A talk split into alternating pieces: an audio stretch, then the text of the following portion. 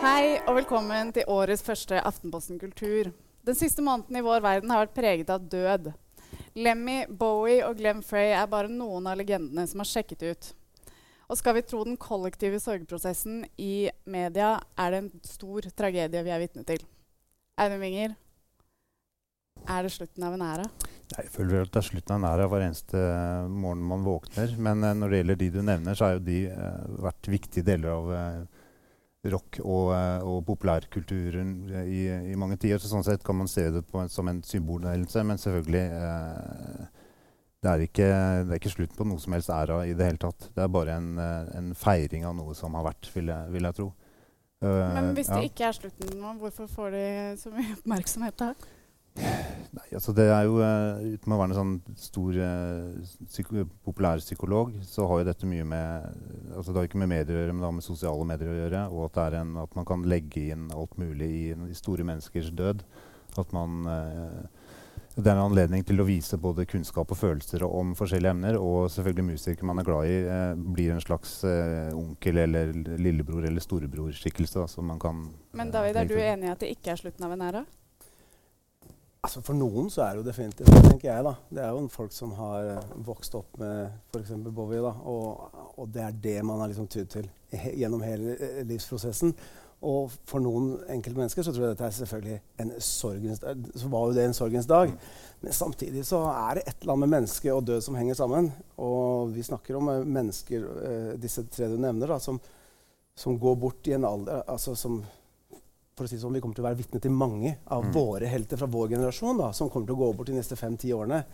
Så det er en naturlig prosess, og man skal liksom ikke bli overrasket. Det er, det er selvfølgelig trist når, når det skjer på, med sykdom og sånne ting. Det er selvfølgelig vondt.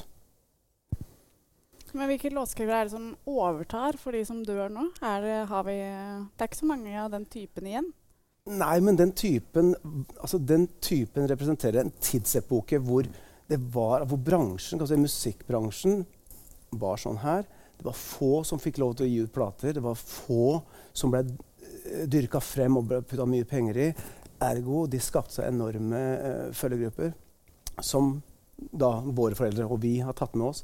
Men i dag så er det jo ikke sånn. Du har ikke fans på lik linje. Du, du har liksom hysteriske tidvis fans på et eller annet prosjekt som varer i to år, og så går de til neste. Fins ikke noe eh, et trofast publikum som, som, var, som ble lagd før. da. Mm. Er du enig i den analysen, Philip? Eh, ja, jeg er vel egentlig det. Og så er det jeg satt og tenkte på at det er vel også sånn at uh, de låtskriverne som Frey og Bowie og den typen folk tok over for, da, altså type sånn uh, Brill Building-låtskrivere eller Irving Berlin og den typen folk Det fantes ikke naturlige arvtakere for dem heller. Så det er vel bare at det endrer seg litt.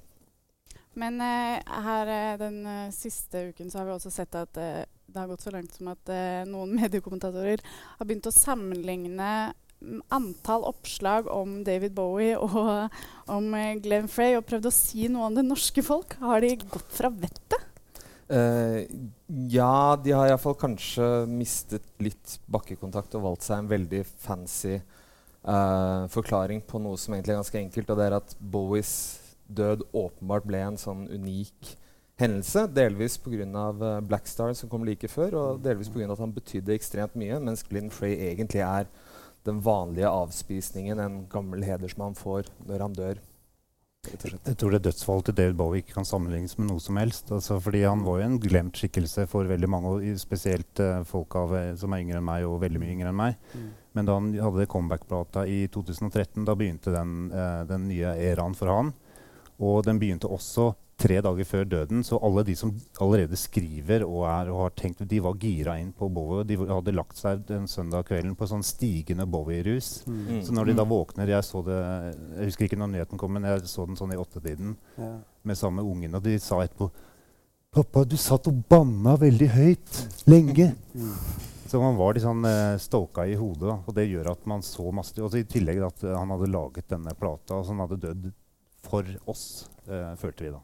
Det var jo lagt til rette. Altså det, ja. det, det, var jo Man skulle tro var regissert. Det var det kanskje også. Men uh, det er klart at derfor så får jo media får det på et sølvfat. Mm. Så det blir jo ekstremt, liksom, det som, den responsen det får.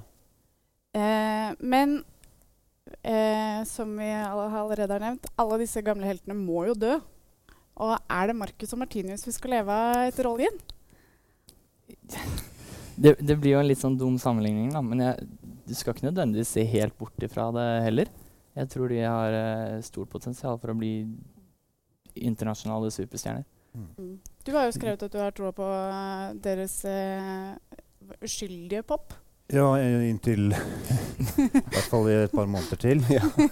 Det er det jeg absolutt tro på, men selvfølgelig skal vi leve av og musikk kan vi leve av på et økonomisk eh, felt. Og der vi kan skape arbeidsplasser pga. musikken, men eh, musikk handler også om noe mer enn penger. Det handler om en slags eh, følelsesmessig kapital, men også en intellektuell kapital, som artister som Bowie, men også Lemmy har, eh, har bidratt med, altså, som har vært symboler for en eller annen slags livsstil, eller en, eh, at man er på utsiden av samfunnet og gjør sin egen greie osv.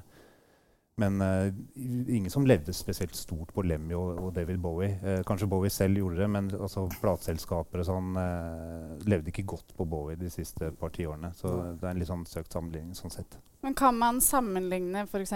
Max Martin og Bowie som låtskrivere? Nei, det kan man ikke. Men to helt forskjellige verdener. Altså To typer genier. Altså, det, altså, det både I sin tid spesielt var- forutså mye av det som skulle skje, og var med tidlig. Mens Max Martin han er en altså Bobby, Det som gjorde bra, eh, låtene til Bowie bra, var jo han selv også. For han, han, han leverte det. Han hadde en, det var et konsept. da. Det var ikke bare en tilfeldig låt. Max Martin er en låtskriver som ligger bak. Ingen får intervjue han. Dette har- det har han gjort i 20 år med stor hell. Og tjener sikkert eh, Jeg har jo vært så heldig å møte han noen ganger. Han tjener mer penger enn noen annen- andre i bransjen, Mm. inkludert plateselskapene. Mm. Så jeg tror ikke det går an å sammenligne En jeg sammenligner Bowie med så Nå var jeg litt en del yngre. Da, når, det var Frank Zappa, når han døde. Mm. Det var med det impact som han hadde på var så trofast i fansene. Det var så hardcore. Og det gikk virkelig inn på fans uh, den gangen. Og det, det merker du litt det merker du her. Folk får en sånn, det er som du sier, det Bowie har vært litt borte de siste årene.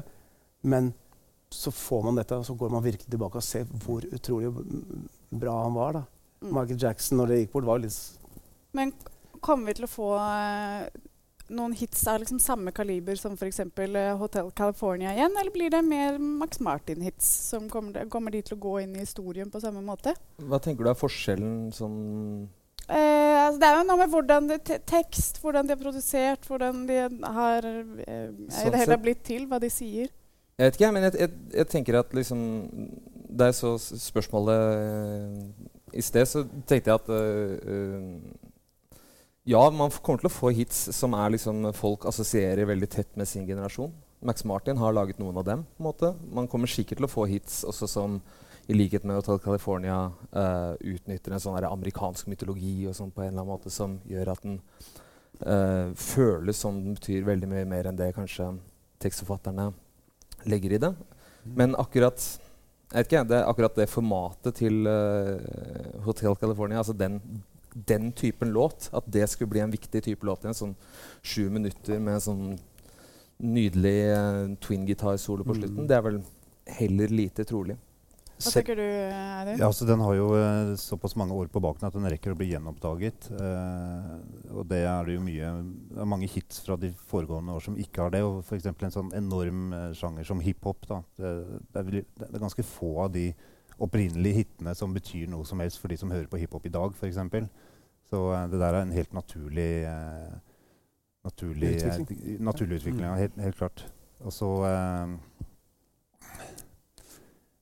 Litt av forskjellen da, for eksempel I fjor eh, var et fantastisk år for hits med Drake, Justin Bieber og andre. Og, men i motsetning til tidligere år så var disse da også allerede eh, respektert for sine musikalske kvaliteter av sånne folk som meg, som driver med, med musikkanmelderi osv. Så, videre. så eh, den, den hele pakka og den store artisten fins nok fortsatt.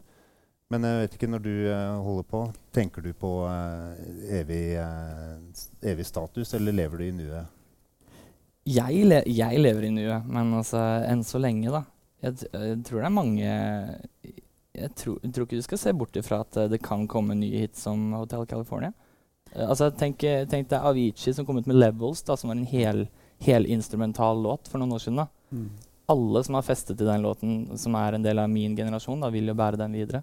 Mm. Mange Mm. lignende Men- låter også. Det er nettopp det. Jeg tror det er generasjonen som bærer låter videre. Hotel California Mm. har blitt dratt. Det er ikke sånn at hvis jeg hadde spilt Hotel California for sønnen min, som jeg for så vidt har gjort etter at eh, Glenn Frey døde, det er ikke en låt han har hørt før.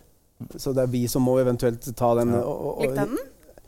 Nei, ikke noe spesielt. Er den Det ikke liksom, bra, da? Er Ja, men altså, nei, jeg tror, men, ikke sant, jeg, jeg bra å fortelle en 13-åring at dette her er bra musikk, når han sitter Mm. bare og hører på musikken hans hjemme. ikke sant?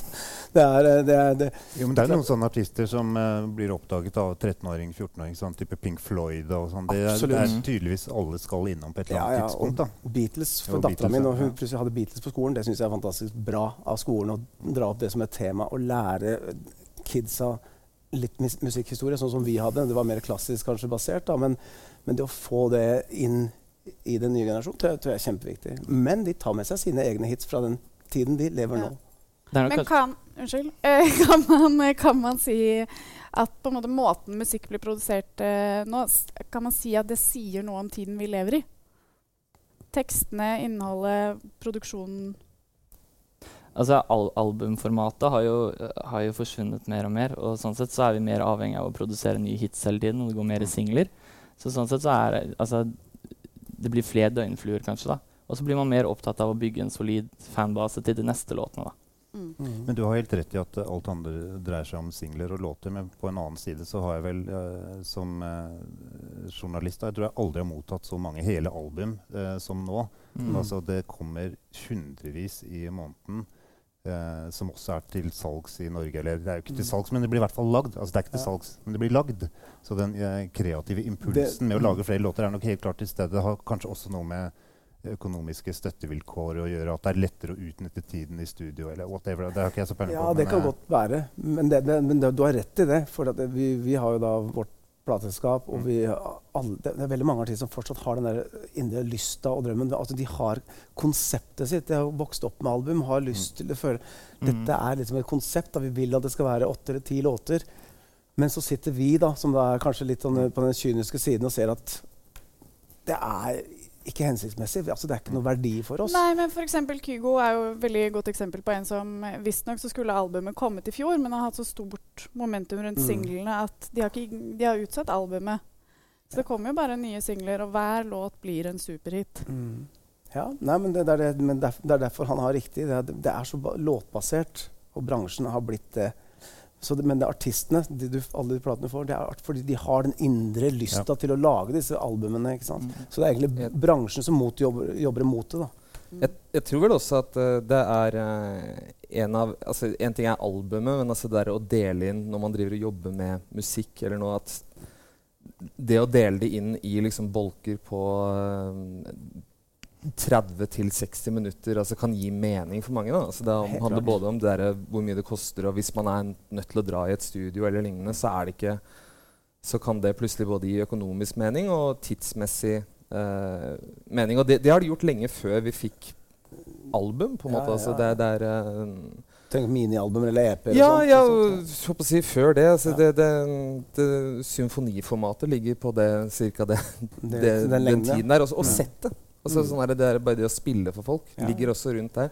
Så det, det det er, er det de gjør ofte nå. At de kanskje lager At er, at det, du mener at det har noe med blodsirkulasjoner? At kroppen er mottagelig for en eh, 40 minutters bolk, bolt av eh, musikk? Uh, nei, det, det har jeg ikke Det vet jeg ikke. Nei. Men uh, jeg liker Hvem vet? Mm. La oss få noe forskning på temaet. Men, det er jo det, men, ja, det er jo egentlig det som er øh, godt og vondt holdt på å si, med den bransjen sånn som vi er nå, det er at, at det er så gjennomsiktig.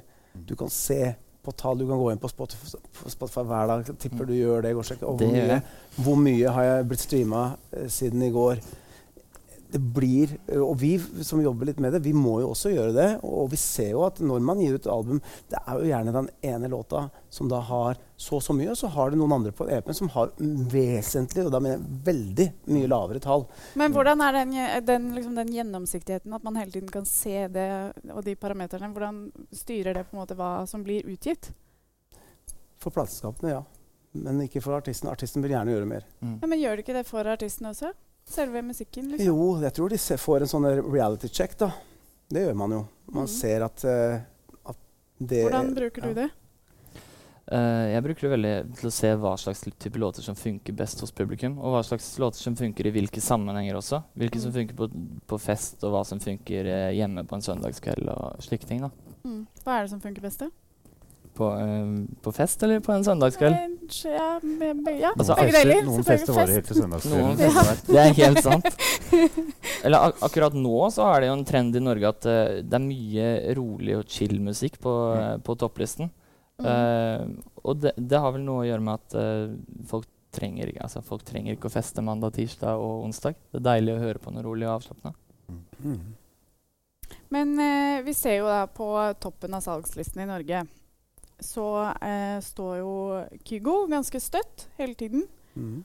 Og hva er, er, er liksom så nysgjerrig, for jeg, jeg, jeg, jeg, jeg prøver liksom å tenke meg Å tenke ut hva liksom det sier om oss og om tiden vi lever i, at verdens mest populære norske uh, artist lager noe som for meg høres mer ut som heismusikk enn housemusikk. Men må, må han lage housemusikk, da? Ja, det er, vet du, det er, dette handler bare om Mm. språk, og det er sånt, en tilfeldighet at det, At det uttrykket at det uttrykket har liksom blitt hefta Mm. ved han. For, For han, er du- først og fremst en opp, han lager oppvakte melodier som er veldig uh, snille og veldig, veldig lett å huske. Men altså, jeg er jo en stor house-purist, på den måten, så jeg kan jo bli aggressiv når jeg tenker på det. Og liksom hele en kultur, altså Det hører med en hel kultur. Det er mer bare enn en sjanger. eller Det handler om mer enn festing. Det, handler, om det er en musikalsk tradisjon, men også en sosial tradisjon. Så det er bare litt uflaks for uh, den eldre garde at, uh, at de må få se det house-begrepet bli trukket ned i søla. Ja, for, for det, jeg, skjønner, ikke- jeg skjønner ikke hvorfor de skulle På hvilken måte er det uflaks? Jo, eh, altså, de føler at, at Kygo eh, tråkker inn på deres banealder, men han gjør jo ikke det i det hele tatt. Det er jo noe helt separat at liksom eh, eh, DJs på 45 år skal sitte og, og gnure Ja, hjemme ja. og tenke at de har ødelagt house-kulturen. Det stemmer ikke. De har laget sin egen kultur, Mm. tenker jeg da. Ja. Men hvilken kultur er det? Det er liksom det, for Jeg bare leste Sondre Lerche skrev nå Ja. en lang eh, beretning om eh, sin opplevelse av Kygo på utsolgt Barclays i New York. Mm. Og eh, det er jo umulig å ikke la seg fascinere av liksom, hvor enormt det er. da. Men altså, hvem er liksom alle de snille menneskene med snapbacks bak frem og ren hud og hvite tenner? Hvem, hvor, hvem er alle disse menneskene? Det er jeg Det Har vi bare blitt jævlig vanlig snille, liksom? Nei, det har alltid vært den typen snill musikk som ikke er like karismatisk, og som gjør at vi kanskje ikke husker det i ettertid på hitlistene. Altså På 50-tallet så hadde du Pat Boone i tillegg til Elvis. Og Mm. Samfir, han rumenske fløytekristen. Ja, ja, ja, det. eh, har solgt over 40 millioner album og skryter på seg 120 millioner. Og Roger Whittaker altså, mener det, det er det er, ikke så, det er ikke noe nytt at uh, hitlistene også viser et behov for artister uten den der Bowie, sånn der altoppslukende utstrålingen. Men at det også da er aldri har vært like interessant å skrive om for, uh, for musikkpressene. Og jeg tenker at en del av i, I tilfelle Kygo så handler det noe om sikkert litt behov for å forklare ham i Norge er fordi han er norsk, og fordi det er en sånn snikende, snikende følelse at han kanskje forteller et eller annet om ungdomsgenerasjonen og si men, eh, men det er egentlig et uh, Men hvis vi spoler kanskje ja, hvor, mange, hvor gammel er Kygo? Hvis vi spoler 70 år fram i tid, er det kanskje litt lenge. Han lever sikkert veldig lenge. mm. Men når Kygo dør, kommer det liksom til å ha samme innvirkning på oss som Bowie? Kanskje ikke på alle dere andre som sitter her i panelet, men jeg tror at på min generasjon så kommer det til å gjøre det. Ja. Vi er nesten samme Men, men, generasjon. men, men, men, men tror du det kommer til å ha så impact, eller blir det bare sånn Å, den husker jeg. Det er litt sånn som eh, Jeg satt i bilen i stad, så plutselig kom Callous Whisper med George Michael. liksom. Så tenkte jeg ja, ja, ja, ja det, det var liksom tider. Det var, det var Wham og Det, var, Det det kan jo hende at han gjør noe utretter noe stort sånn på finanssiden. og eh, liksom det, eh, Hva heter det ordet som er så hot i musikkbransjen? Eh, at han, hans entreprenørskap vil være så genialt at han vil hus bli husket for det i tillegg. Ja. Men Det blir i er- hvert fall en sak i Dagens Næringsliv. Ja da. Men det, begynner men, å skrive noen nordisk krim etter hvert. ja, det der med Bowie, da. eh, Det er jo det at han i tillegg til å være musiker var en stor artist, en kunstner som holdt med i mange forskjellige eh, eh, uttrykksfelt. Og eh, hadde den der seksuelle identiteten. Og han ble et, eh, un, unnskyld uttrykk, et fenomen på en helt annen måte enn, han, enn at han bare hadde noen fine låter, Mm. og at han var stor. Men det er selvfølgelig det at eh, det er seier her. Det er, seierherrene som skriver historien. Men det er nok mer Bowie-fans som skriver musikkhistoriebøkene enn enn de som, eh, som holder rede på salgstall osv. Men sånn har det egentlig vært veldig lenge. Ikke minst så var David Bowie en rollemodell også, på lik Mm. linje med Justin Bieber, også, som har altså, nær kontakt og stor påvirkning på fansen sin. Og den Mm. påvirkningen har ikke Kygo ennå. Nei, og det er akkurat det. Vi snakker, men det, vi snakker jo veldig mye om hvilken innvirkning Mm. Bowie har hatt, og hva slags betydning han har hatt. Men hvilken betydning har liksom Kygo med capsen og de hvite tennene? der? Hva, hva, hva, hva Men husk at det som er uh, makta, er jo uh, alternativt. Og det er uh, aggressivt, og det er, handler om, om sex osv. Sex er jo litt sånn Det er ikke så veldig ag aggressivt til stede i Kygos musikk foreløpig. Så sånn sett er dette et alternativ til, Mm. til virkeligheten. Da. Uh, jeg, jeg tror kanskje Sondre skrev dem, så det var ikke derfor jeg sa det. Men det er fordi det er sant. Mm. Men Kygo er i en posisjon hvor han kan få mye, han kan få mye ungdom til å føle mye forskjellig. Og, uh, altså, hva, Men hva får han de til å føle? Nei, det kommer helt an på hva han vil formidle med låtene sine. Mm. Jeg tror han har fått, uh, fått i gang mye følelser med Firestone og med Stole the Show.